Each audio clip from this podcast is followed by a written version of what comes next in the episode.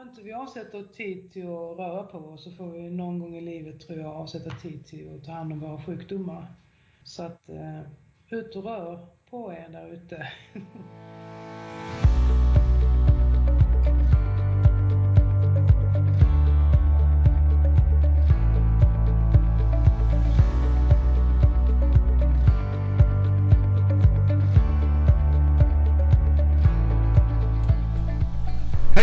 och välkomna till Bättre med åren.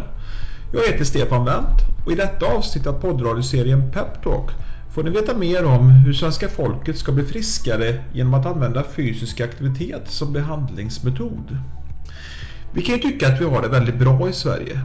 Vår levnadsstandard är hög och vi lever allt längre. Men hur mår vi då egentligen? Ja, vårt välfärdssamhälle har inneburit att vi lever ett stillsammare liv där vi sitter allt mer. I Sverige sitter vi idag i snitt nästan 9 timmar av vakna tid. Och eh, eftersom våra kroppar är skapta för rörelse så kanske inte det är så konstigt att detta får konsekvenser. För även om allt fler motionerar så har studier visat att det är minst lika viktigt hur vi lever mellan träningspassen. Rörelsen i vår vardag har nämligen minskat radikalt. Vi ägnar mindre tid åt till exempel hushålls- och trädgårdsarbete. Vi har arbeten som i regel inte längre innebär någon fysisk rörelse som det var tidigare. Och vi tar ofta bilen, kanske även mindre sträckor. Istället har ju den tid då som vi sitter framför till exempel tv och datorskärmar ökat. Idag har ungefär hälften av alla svenskar över 65 år någon form av kronisk sjukdom. Och det är de så kallade välfärdssjukdomarna som dominerar. Det är sjukdomar som ofta hänger ihop med livsstilen som till exempel bukfetma, förhöjt blodtryck, diabetes, förhöjt kolesterol. Det här det ökar risken för att man drabbas av allvarliga hjärt- och kärlsjukdomar. Det är också vanligt i välfärdsländer med till exempel stroke, depression, demens, benskörhet och flera olika former av cancer. Det här har gjort att vi konsumerar mer läkemedel än någonsin och vår eh, allt mer bekväma livsstil är ju en stor anledning till det. Men vore det då inte bra om sjukvården också kunde skriva ut rörelse istället för medicin? Jo, alla kanske inte känner till det, men det kan man faktiskt. Detta kallas för FAR, fysisk aktivitet på recept.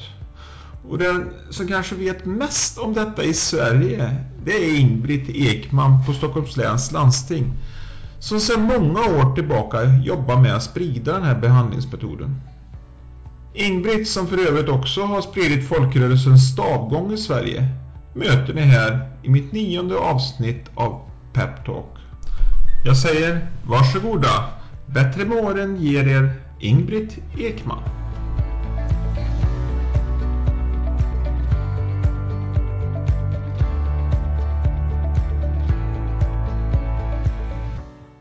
Med mig Ingbritt Ekman här på en kanske lite knagglig telefonledning men jag tror det ska gå bra.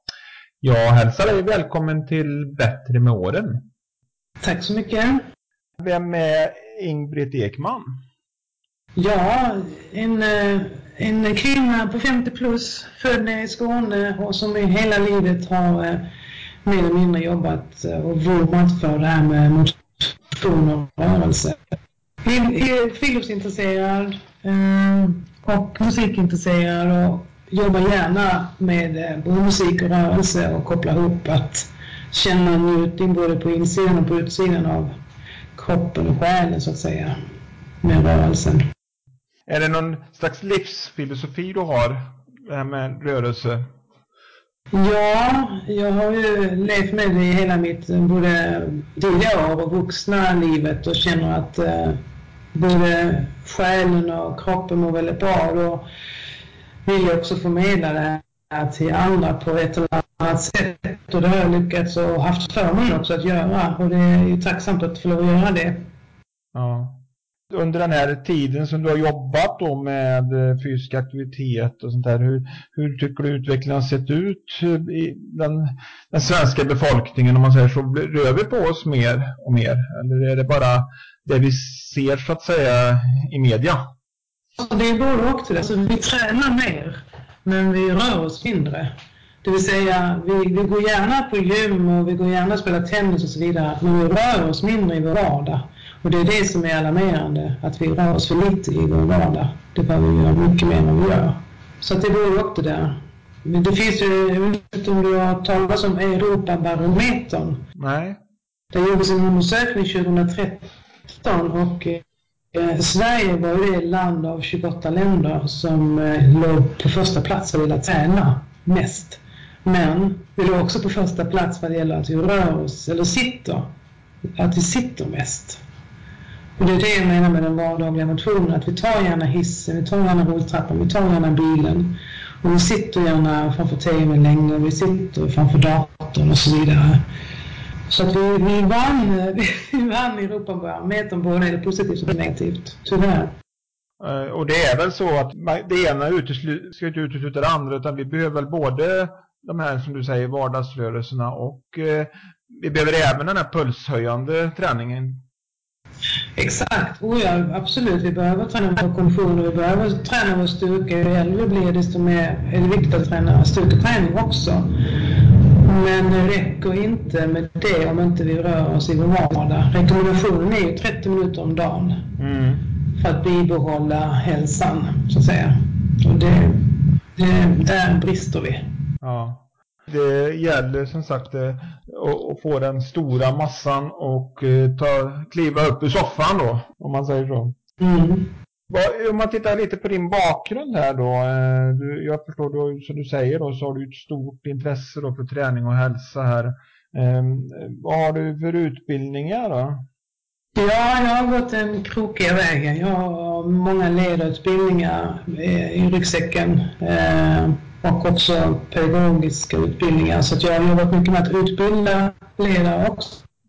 Så, men jag började redan på 70-talet. Då gick jag min första parsymputbildning för jag jobbade på kontor och kände att så här kan vi inte sitta. Då fanns det ju inte stå ombord på den tiden. Så att eh, jag gick en parsymputbildning och eh, drog igång parsympa på arbetsplatsen där jag var då. Och det var redan på eh, andra delen av 70-talet. Så att sen dess så eh, har jag hållit på och gått lite olika utbildningar. Du var väldigt tidigt ute där då. Det, det måste ha varit ovanligt på den tiden. Ja, det var ovanligt och jag var ju inte så gammal själv. Jag var ju säkert yngst på arbetsplatsen men jag tänkte att eh, nej, men det här är nog inte så bra. Sitta hela dagarna. Så. Ja, det, det fanns ingen friskvård överhuvudtaget kanske på arbetsplatserna på den tiden? Nej, inte vad jag känner till i alla fall. Nej, det gjorde inte. Eh, idag är det ju friskvårdsbidrag och, och allt fler företag kommer ju också med friskvårdstimmar och sånt här. Eh. Mm. Men jag tänker också, alltså, om vi pratar 70-talet, mm. då var det ju mer att vi rörde oss eh, i vår vardag. Det var inte lika självklart att ha bil kanske, det var inte lika självklart med rulltrappor. Det, det är mycket som har förändrats nu med utvecklingen i samhället som gör att vi inte behöver röra oss så mycket om man jämför med då. Så att det behöver inte vara så att vi mådde sämre då för att det inte fanns så mycket friskvård. Jag tror att vi kanske många gånger mådde bättre för att vi var mer tvungna att röra oss i vår vardag. Vi cyklade säkert mer på den tiden till jobbet och så vidare än vad vi gör idag. Mm. Ja men så är det väl och det gäller ju på alla områden både i hemmet och på kontoret och även i, inne i, fabriker och så vidare så att säga, det var mer kroppsligt, kroppslig rörelse. Mm. Nu skaffar vi robotar för att klippa gräsmattan och... Ja men exakt. Precis. Och då kan man ju fråga vad gör vi istället? Jo men vi sitter väl vid datorn och, och tvn kanske mer, jag vet inte men... Ja, det finns väl en anledning till att man vill ha en robot. Det är för att man själv ska slippa gå med gräsklipp. Ja. ja. Sen, eh, sen har du även drivit ditt eget företag eller har jag förstått? Ja, det är lite grann sådär när jag har tid och, och, och lust. ja, det har också varit inom hälsoområdet antar jag? Ja, det har det varit. Det som har varit mest i mitt företag, även om inte det är mycket uppdrag just nu eftersom jag jobbar heltid. Men det är ju det här med stavgång och stavträning som jag kallar det för det, det har ju varit en hel del, vilket har varit väldigt, väldigt kul. Att folk har upptäckt det och anammat det och känt att det är bra träning. För det är det verkligen, för alla människor. Mm. Det förstår jag för du är väl lite, ska vi säga lite av stavgångens mamma i Sverige? Om du förstår vad jag menar. Ja. Var inte du initiativtagare? Jo, det stämmer. 1998 så satte jag igång, alltså det fanns ju barmarksträning med stavar. Jag menar, var skidåkare höll på med det länge, men just att komma igång med fenomenet stavgång, då var jag, utan att skryta, så var jag med och startade upp det då 98. När jag jobbade på Korpen, och gjorde det tillsammans med Friluftsfrämjandet. Men jag är väl den som har mest drivit det vidare. Eh, när vi, efter att vi drog igång det då så har jag fortsatt för jag eh, är ganska inbiten stavgångare i detta och det är där jag liksom vill förmedla mycket också till, till folk, både unga och gamla, att vill man inte springa så är det här en väldigt bra alternativ och man vara ute men ändå träna så är det också ett bra alternativ. Så att... mm. Är det bättre än promenad skulle du vilja säga då eller? Ja, det är det ju i och med att du aktiverar ju övre delen av din kropp på ett helt annat sätt när du sätter i stavarna än om du går utan stavar. Så det blir ju mer en komplex träning. Det finns ju studier faktiskt på det här också, att uh, du, du, får en större syreupptagningsförmåga när du använder stavarna. Eh, du är igång på ett annat sätt. Och, eh, du behöver inte gå så jättefort, men du går mycket mer kraftfullt i och med att du sätter i stavarna, om du gör det på rätt sätt. Mm av någon anledning som eh, jag egentligen inte förstår det är ju att de som man ser gå med stavar är mest äldre personer. Är det, är, det lite så att yngre tycker att det är lite skämmigt att gå med stavar eller vad, vad tror du det beror på? Ja, jag tror inte att eh, det är så skämmigt längre. Jag har ju själv fått höra väldigt mycket eh, kommentarer när jag varit ute men det finns ju inte längre i alla fall ute. Men jag tror att Många äldre känner trygghet i att använda stavar för att just med balansen. Och när det då är många äldre som gör det så eh, smittar det kanske inte av sig på den yngre målgruppen. Men är man, är man idrottsintresserad och som ung och kan träning och, och förstår nytta med stavträning så de jag har träffat i alla fall förstår och känner direkt att det här är jättebra för även den yngre gruppen. Jag har ju kört stavträning med hockeykillar och eh, andra målgrupper, yngre. Eh, där de inte alls, efter att de har testat på, känner att det är så töntigt utan de tycker att det, det tog liksom mer än vad de förstod. Mm. Men det är inte då vi ser. Det är ju de äldre vi ser. Det är ju som säger, det, det är ju så. Och du har ju faktiskt eh, skrivit en bok om stavgång. Ja, jag fick ett litet uppdrag av Cis idrottsböcker att göra det, ett litet häfte som har sålt väldigt mycket. Det är jättekul att försöka vara med och sprida och få folk att mm. Vad innehåller den boken? Är det lite tips och, och, och så här? Eh, eller? Ja, men precis. Det är ju Ja, dels hur du kan använda stavarna och hur du kan lägga upp ett träningsprogram och vad det är du tränar, vilka muskelgrupper. Eh, lite om utrustning, lite om olika terränger. Hur, hur tränar jag om jag är i skogen eller om jag är inne i stan? Och, och lite tips på hur du kan göra beroende på din egen målsättning och beroende på var du befinner dig. Och om man är intresserad av att köpa den här boken, eh, då går man in på SISUs hemsida då, eller? Exakt, då går man in på www.idrottsbokhandeln.se och då kommer du in till SISU idrottsböcker. Ja, Sen eh, har du, som du sa när vi pratade innan, jobbat mycket som gympaledare också, eller haft det som intresse. Mm. Och du, vad jag förstår, så utbildar du gympaledare, certifierar gympaledare också och även gör gympaprogram, stämmer det? Ja, eh, utbildar inte längre jag har gjort i många, många år, men däremot så gör jag fortfarande motionsprogram, gympaprogram eh, på uppdrag av de som vill ha min hjälp till det. Eh, det förekommer fortfarande. Men jag jobbade ju tidigare på Korpen, Motionsidrottsförbundet, och då jobbade jag just med att eh, ta fram och skapa gympaprogram. Ta fram musik och rörelse och gå ut och, och utbilda ledare som skulle leda det här för sina motionsgrupper. Ja, och eh, om vi kommer in på lite eh, mer din profession här då. Om vi tar din arbetslivserfarenhet här då. Hur har den, eh, din karriär så att säga sett ut här och hur, hur kom du in på det här med fysisk aktivitet? Ja, eh, som fysisk aktivitet i sig har jag alltid varit intresserad av. Jag var ju själv aktiv och, och sen började jag jobba med det. Jag jobbade som idrottslärare på folkhögskola och, och sen jobbade på Korpen och sen har det liksom bara rullat på. Um, så att jag har haft förmånen att få jobba med det här i min profession också. Så det är, det är tacksamt att få göra det. Ja. Vad har du för arbete idag? Ja, idag jobbar jag ju med FAR, fysisk aktivitet på recept. Du nämnde medicin och en slags medicin kan vara det här med fysisk aktivitet på recept, att få folk att röra på sig. Så att mitt jobb med FAR, det är att utbilda aktivitetsledarna som finns ute i organisationer. Det kan vara i idrottsföreningar, det kan vara stora eh, gymanläggningar, kommunala träningshallar, sim och idrottshallar, privata företagare. Det spelar ingen roll var de kommer ifrån, bara de har en, en, aktivitet eller flera aktiviteter att erbjuda de personer som kommer med ett FAR. Och då utbildar jag ledarna och jag certifierar organisationen så att de lever upp till vissa krav för att vara en bra mottagare av FAR-kunden eller FAR-personen.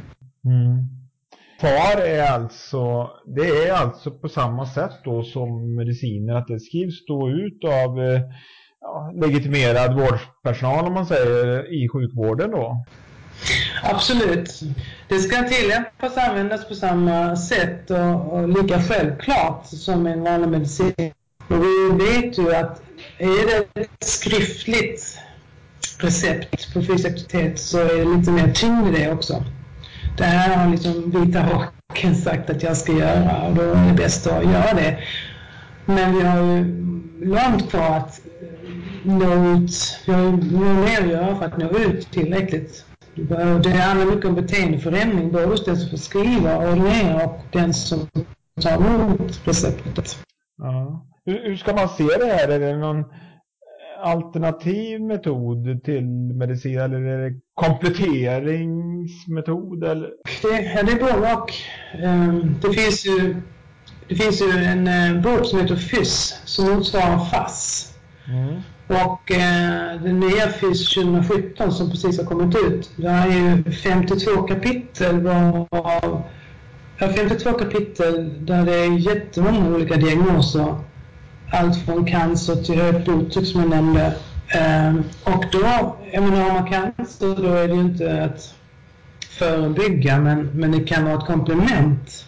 Medan om du, om du har övervikt och höga blodfetter och högt blodtryck då kan ju det här vara att förebygga innan du får diabetes till exempel. Så det är både att förebygga och behandla och det är både att eh, ha det som en enskild ordinering eller i, i i samband med vanlig medicin. Beroende på personens tillstånd. Mm. Och eh, sen läste jag också att det kan vara i kombination med eh, motiverande samtal också, eller? Mm, absolut. Det är att föredra. Har du ett motiverande samtal, då når du längre med personen som behöver ett svar. För då, då har du redan påbörjat eh, ett förändringsarbete så att säga i och med att du har ett samtal som handlar om livsstilsfrågor, livsstilsvanor, levnadsvanor. Så att ett samtal är, är en jättebra ingång till att få eh, ett beteendeförändringsarbete hos individen, absolut. Mm. Hur skulle ett sånt där recept kunna se ut? Det behöver stå då vilken typ av träningsform, det vill säga behöver jag träna kondition, styrka, rörlighet eller balans. Det är de fyra som också nämns i fysboken. Och sen behöver det stå hur länge, alltså hur många minuter och hur ofta i veckan och under hur lång tid. Och det är väldigt likt i vanlig medicin. Hur många tabletter ska jag ta om dagen eller veckan och under hur lång tid ska jag käka de här tabletterna. Så det är lite samma tänk vad gäller dos och frekvens och intensitet och så vidare. Det finns speciella blanketter, receptblanketter, som är väldigt likt vanlig medicinblankett också. Ja. Och vad ska få en, om man säger en läkare då, till att plocka fram FASS-boken istället för FYSS? Eller tvärtom, plocka fram FYSS istället för FASS? Och så har man minsta lilla intresse av att vi ska må bättre genom att röra på oss, då är det lätt att plocka fram fysboken tycker jag. Men är man själv läkare eller sjukgymnast som nu är inte intresserad av att röra på sig, då är det mycket enklare att ta fram fastboken. Men, så läkarkåren är väl den gruppen som vi har stor avstånd ut till. Sjukgymnaster och diabetessköterskor, sjuksköterskor, det är självklart för många av dem. Men för läkargruppen så mm, det kräver lite mer tid också av dem. De behöver som du säger det här samtalet med sin patient och det tar mer tid och det, det är stress och de ska hinna med mycket och det ska föras in i journalsystemet och så vidare. Så att det finns några barriärer på vägen där innan vi når riktigt, riktigt fram. Ja. Men det är liksom upp till läkarna egentligen och de har inte på sig att de liksom ska ja, öka andelen eh, farpatienter och sånt där. Eh, utan det, är egentligen upp till dem. Ja, både ja och nej. Det kan se olika ut i olika landsting. Men det finns ju ingen övergripande ovanför landstinget som har bestämt utan det är upp till våra landsting. Och I Stockholms landsting så, så ska ju eh, in i statistik hur, hur många samtal som de för om levnadsvanor och där fysisk inaktivitet är en av våra levnadsvanor. Men därifrån till att veta hur många recept som skrivs ut, det vet vi inte statistiskt. Men skulle en patient eh, själv då eh, kunna föreslå att få FAR? Absolut, och det är därför vi, det som jag jobbar med, vi har en hemsida www.farledare.se och den hemsidan är ju gjord så att personen själv kan läsa med, gå in och söka aktiviteter och vara liksom aktiv själv och då kan ju det inspirera den till att föreslå det här för sin läkare också. Som far, jag skulle vilja ha det istället för blodtryckstabletter eller vad det skulle vara. Absolut kan man göra det. Så då tar man fram det receptet i så fall som i en dialog så att säga. Jag antar att det måste individanpassas på något sätt också då? Exakt. Oh ja, det måste individanpassas. Mm. Det är det många som jobbar inom vården känner att de inte har den tiden. Nej, jag förstår. Du måste ju ha fysisk status eh, och så här bakgrund och och det är klart att eh, finns det någon minsta tvekan så är det väl kanske lättare att ta medicin än rörelsen. Ja men exakt. Och jag har all förståelse för det, absolut. Men på sikt så får vi fler att må bättre och bli friskare ju äldre de blir om vi kunde tillsammans jobba mer åt det här hållet. Det är jag helt övertygad om. Ja. Är det här, gäller det alla åldrar eller? Mm. Det, I alla fall i Stockholm, är vi, och där jag finns i Stockholms landsting, gäller alla åldrar från sex år. Eh, så det finns även far för barn och där försöker vi samverka med elevhälsan och skolsköterskor med den biten. Det är inte lika självklart såklart, för det är inte lika enkelt det som är yngre människor, speciellt skolbarnen. Eh, där måste föräldrar vara med på något sätt, eller vårdnadshavare i alla fall. Ja. Men det finns hur länge har det funnits där kvar och, och, och hur har liksom utvecklingen varit? Om man tittar nationellt så det som satte igång funderingarna och arbetet det var ju 2001 när vi hade sett Sverige i rörelse. Det var en jättekampanj som Folkhälsomyndigheten som hette Folkhälsoinstitutet på den tiden hade i uppdrag att eh, iscensätta.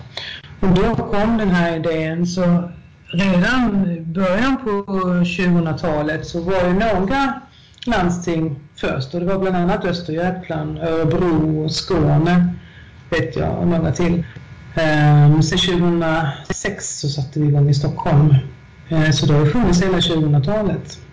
Mer eller mindre. Det har ju funnits i i princip alla landsting men idag eh, tror jag inte att det är lika aktivt i alla landsting som det var då har det inte fått riktigt den farten som man trodde då eller? Nej, inte nationellt sett. Det har, det har varit lite vågor. Det, det, man, man satsar och så, så nej, nu ska vi inte satsa på det här längre och så satsar man igen. Eh, det är väl därför vi i Stockholm ligger rätt långt fram, för det här har varit stadigt arbete och mycket eh, utvecklingsarbete sedan 2006. Så Vi har på nu 10 år, 11 snart. Och det är ganska lång tid där vi har hållit på varje år att förbättra och öka förskrivningen och göra det ännu enklare för alla som är inblandade. Min känsla är ju att inte alla känner till detta helt enkelt. Jag vet inte hur det är i Stockholm då, men eh, jag, min känsla är att det borde spridas ännu mer på något sätt. Jag vet inte hur man kommer dit. Då. Eller håller, håller du med om det? Att... Ja, jag håller med dig, absolut. Ja, ja. Ja, har vi mycket att göra. Och det, alltså, vi skulle behöva Sveriges kommuner och landsting, Sveriges kommuner och landsting, SKL, eh, om de, eller motsvarande de, kunde liksom, ta tag i det här och göra det lite mer nationellt och ge oss ute på landstingen lite stöd också att jobba med det nya susen, tror jag faktiskt. Ja, kan det vara eh, det här med kostnad? Alltså, e-, egentligen så är det som du säger då, om det tar mer tid från sjukvårdens sida då att skriva ut ett FAR så, så är det också en kostnad även eh, för patienten här då eh, om man ska gå till ett gym och så vidare. Både ja och nej, för att det är ju en mindre kostnad för samhället, en mindre kostnad för sjukvården om fler håller sig friska och mår bättre. Ja, nu tänkte jag kortsiktigt. Långsiktigt är jag helt med dig. Jo, eh, kortsiktigt, det, visst är det så att det är en kostnad för individen som du säger, det är det ju. Finns det några diskussioner där om att, subventionera detta mer på något sätt? Mm, nej, det gör det inte. Utan det handlar, det handlar ju om att vilja förändra sitt eget beteende. Och man gjorde i Östergötland för många år sedan där man ersatte de som förskrev ordinerade FAR. Så då fick du en peng per patient. Så då, och då ökar ju förskrivningen. Men sen när vi tog bort den pengen så minskade förskrivningen. Och vi har gjort likadant med bidrag till våra aktivitetsarrangörer. Att de skulle få en peng för att de var med. Men, men det blir väldigt kortsiktigt. Alla inblandade måste göra för att de vill att vi ska må bättre. Både de som ordinerar, de som tar emot FAR-personer, jag tänker på våra aktivitetsarrangörer och våra ledare. De måste liksom se det här som en del i samhällsnyttan på något sätt. Att få en friskare befolkning. Mm. Säg att du skulle få i löpning till exempel, eller cykling, så kan du ju faktiskt gå ut och cykla och löpa på, på egen hand. Eller måste du gå via? Nej, helt rätt. Den, den stora delen gör egen, egen aktivitet. Är så. aktivitet. Ja, så är det. Mm. Det, men det, det, kanske inte blir så långvarigt, det kan jag svara på, men det finns en risk att man tappar liksom för att man har ingen grupp som man går till, det finns inget socialt sammanhang. Men det är ändå det som är den stora massan. Ja. Det jobbas lite olika här i, i olika landsting då. Som, den här farledare.se nämnde du här. Den gäller alltså bara Stockholmsområdet då? Mm, exakt. Det är Stockholms någonting som driver den med mig som ansvarig. Um, den har jag ju presenterat i andra distrikt, och andra landsting också, för att de har varit intresserade att de skulle ha något motsvarande. Det finns en nere i Småland De har en hemsida. Men vi, vi tror att det är det enklaste sättet att nå ut på, så är det en hemsida där det lätt går att hitta aktiviteter. Men man jobbar olika som du säger beroende på vilka resurser man tillsätter, både pengar och arbetskraft. Det är det som styr en hel del. Ja, precis. Det står det att detta är ett farledarnätverk också. Eller vad, vad, vad kallar man det? Mm.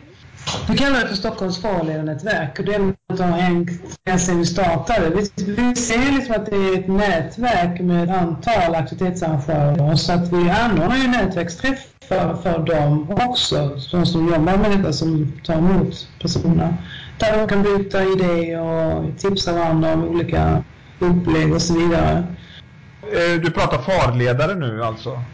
Ja, farledarnätverk heter det. Men nätverket... Ja, men om man säger så här, vad är, vad är farledarens roll i det hela? Farledarens roll är ju den personen som möter individen när de kommer in i, till exempel till en simhall. Då kan det vara den som står i kassan eller i en reception i en anläggning. Men det kan också vara den personen som står på golvet så att säga och kör en gruppträningspass. Det är det ena. Sen är det själva organisationen om du tar en simhall som ingår i kommunen, ja då är det kommunens simhallsansvarige som vi vill träffa, verksamhetsansvarige som ska liksom känna ett ansvar för att här till oss kan farpersoner komma och vi är certifierade vilket innebär bla bla bla. Så att vi har två spår på vår kvalitetssäkring här i Stockholm. Och det ena är individen och det andra är organisationen. Och båda de måste vara utbildade och certifierade för att få vara med i nätverket och för att få lov att synas på farleda.se. Så det är en kvalitetssäkring man har gentemot landstinget och sjukvården. Ni sköter både certifiering då av aktivitetsarrangörer som då kan vara ett gym eller som du säger eh, och även utbilda farledare då? Exakt. Ja, ja, precis. För jag har märkt det när jag möter vår personal så ber de personalen. ja, jag förskriver skriva och rekommendera föreningen därför att där går jag själv och tränar och då känner jag som ansvarig för hela nätverket att ja, men så får det inte vara utan nu ska de kunna få skriva och rekommendera vilken aktivitetsarrangör som helst. Det viktigaste är att det är en bra aktivitet som passar för personen. Och därför har vi startat upp det här med certifiering så att vården verkligen känner tillit till att här är det kvalitetssäkrat. Det spelar ingen roll vad jag skickar ut min patient. De blir, de blir väl omhändertagna oavsett vart de hamnar. Det är målet för oss. Finns det några mål, om man säger på högre nivå, om vi säger från politiskt håll, om vi säger på riksnivå, med FAR? Eller, eller är det upp till varje, ligger det på varje landsting? Ja, jag har inte hört några nationella mål. Vi har ju våra folkhälsomål, men det är ju, det är ju inte... Det handlar ju om folkhälsa totalt sett. In, I Stockholms läns landsting då, har ni något sånt där mål på eh, hur många FAR som ska skrivas ut så att säga? Mm. Vi har inte mätbara mål, men vi har ju en handlings, handlingsprogram övervikt fetma i det handlingsprogrammet som sträcker sig till 2020, då har vi både vision och mål satta. Men inte mätbara mål, utan det handlar mer om att öka. Mm. Man skulle gärna vilja ha mätbara mål, men jag tror det också Då måste man veta var står vi idag. Antalet recept kan man ju ta reda på, men jag tänker hur många ska vi nå och så vidare. Men, men antalet recept skulle man ju lätt sätta mål. Så det är svårt att se liksom effekten av det då. Eh, det, det är inte helt enkelt antar jag att, få fram. Nej, det är inte helt enkelt. Men det vi ser det är att förfrågan från vårdgivare ökar. I alla fall hos oss i Stockholms landsting.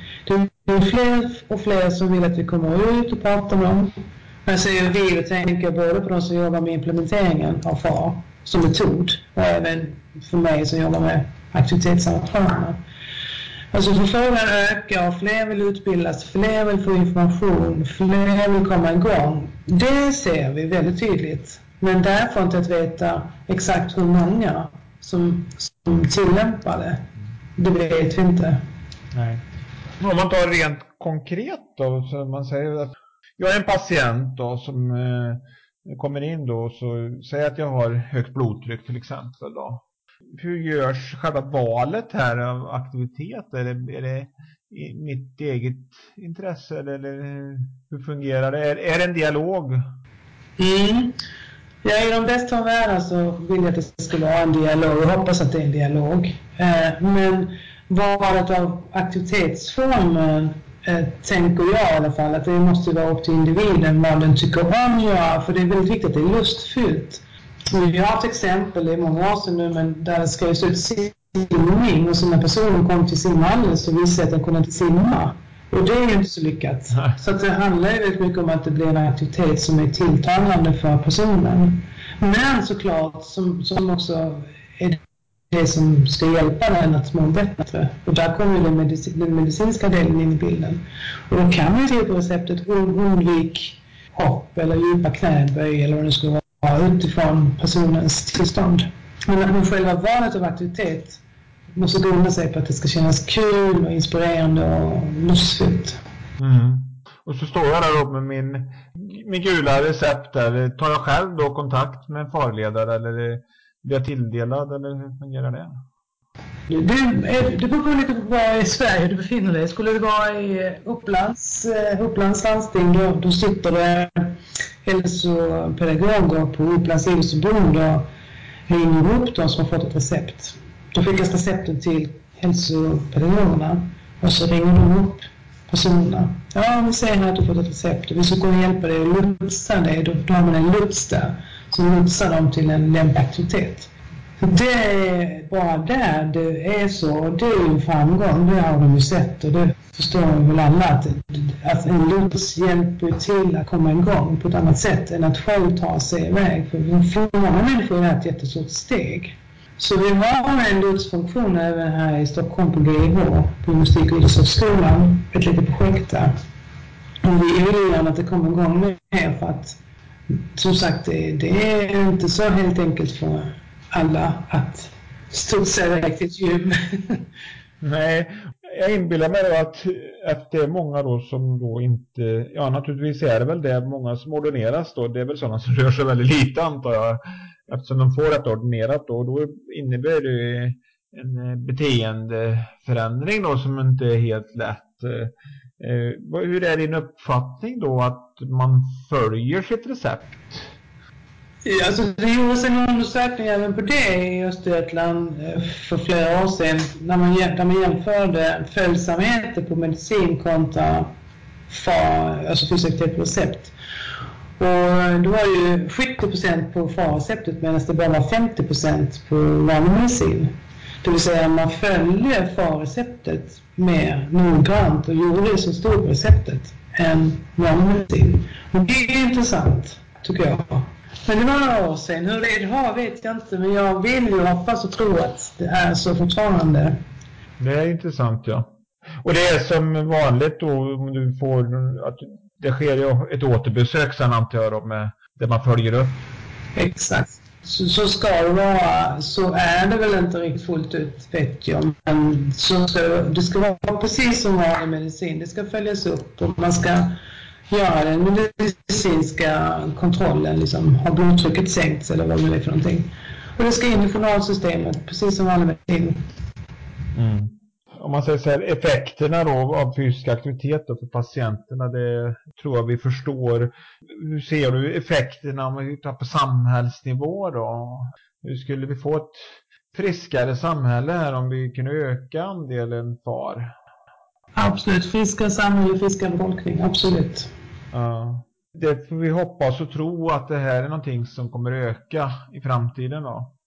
Men jag tänker också, jag tänker också alltså, ek ekonomisk vinning handlar det om också. Ju friskare vi är, desto billigare blir det för samhället ju. Det hänger ihop.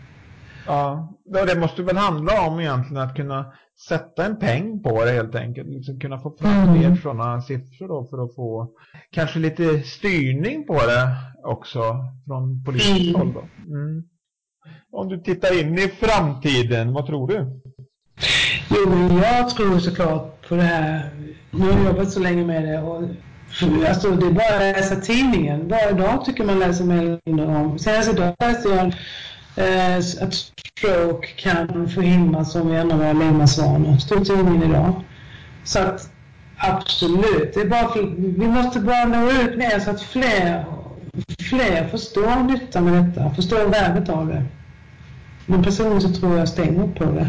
Eftersom jag jobbar med det också så att ja, absolut. Ja, kanske få in mer i, i läkarutbildningen också om detta då. Mm. Antar jag. Jag antar att inte det är så mycket friskvård. Det är mest sjukvård. Nej, det är det ju För det är väl så man kan se det. Man kan väl se detta som lite mer åt friskvårdshållet i alla fall. Ja, så är det ju. Ja. ja, det är intressant och eh, någonting som eh, vi hoppas sätter fart här framöver ordentligt. Och inte bara i Stockholm utan i hela landet. Ja. Du bidrar bra till det, Stefan, tycker jag. Ja, men det, jag gör så gott jag kan. Ja, verkligen. Vi får hjälpas åt att sprida budskapet. Du, Ingbritt, ja. det är jättetrevligt att prata med dig. Väldigt intressant område här, men tiden springer iväg här. För jag tänkte att vi skulle ta och runda av här. Och då, då tänkte jag att vi ska köra tio snabba, men eh, det brukar ta sån tid så jag har kortat ner till fem snabba då. Och då går det till så att jag, jag säger helt enkelt fem ord där och så kan du ge någon spontan kommentar bara. Är du med? Jag ska försöka, japp. Ja, då börjar jag. Då säger jag friskvårdsbidrag. Då säger jag jättebra, absolut. Och så säger jag höj och sänkbart skrivbord. Självklarhet. Skolgymnastik. Varje dag, men man måste nog byta namn, tror jag. Mm, jag förstår. Eh, gymstick. Gymstick, kul träningsform är det. Har du inte provat det så gör det, Stefan. Ja. Jag kanske, vi, kan, vi kanske kan ta ett lite längre svar på det. Vad är, vad är gymstick? Om en gymstick, om du tänker att du håller en eh, pinne framför kroppen och så i varje ände sitter det en gummibandögla. Så sätter du fast de öglorna i dina fötter. Och då blir det som att det är en spännband mellan fötterna och stången och när du då lyfter stången upp över huvudet så blir det ju en ganska spänt gummiband och då kan du göra övningar. Det behöver inte vara över huvudet, det kan vara framför kroppen och det kan vara åt sidan. Och så kan du rulla upp gummibandet på pinnen och jobba lite tyngre. Det finns massor med övningar med det här. Det är, det är, det är en kul, kul träningsform. ja, det är någonting du rekommenderar? Absolut. Ja, jag blev lite nyfiken på det nämligen. Eh, och så avslutar vi då med begreppet folkhälsa. Vad är det för dig? Abstrakt. Ja. Det, det är väldigt svårt att förklara folkhälsa tycker jag. Det, det, är ju, det är ju en definition av befolkningens samlade hälsotillstånd men skulle du göra en intervju på stan så tror jag att du skulle få väldigt många olika svar faktiskt. Mm. Vi kan väl bara enas om att det är väldigt viktigt i dagens samhälle med... Ja, det är det absolut. Ja. Jag tänkte, jag tänkte mer ordet som sådant, att det är lite abstrakt. Men Ja. det är viktigt, jätteviktigt. Ja visst, det, och det innefattar ju så enormt mycket också. Så att, eh, är det någonting du tycker jag har missat här eller, eller någonting som du skulle vilja föra fram här?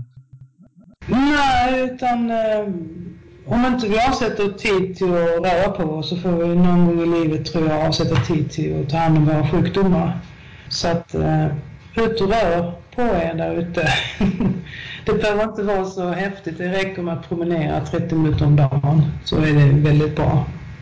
Eh, med de eh, vad ska jag säga, uppmanande orden så tackar jag dig så hemskt mycket här Ingrid Ekman och eh, att du har lärt oss lite mer om vad FAR är och eh, vi får hoppas att detta är någonting som eh, att det blir mer fysisk aktivitet och mindre mediciner i framtiden.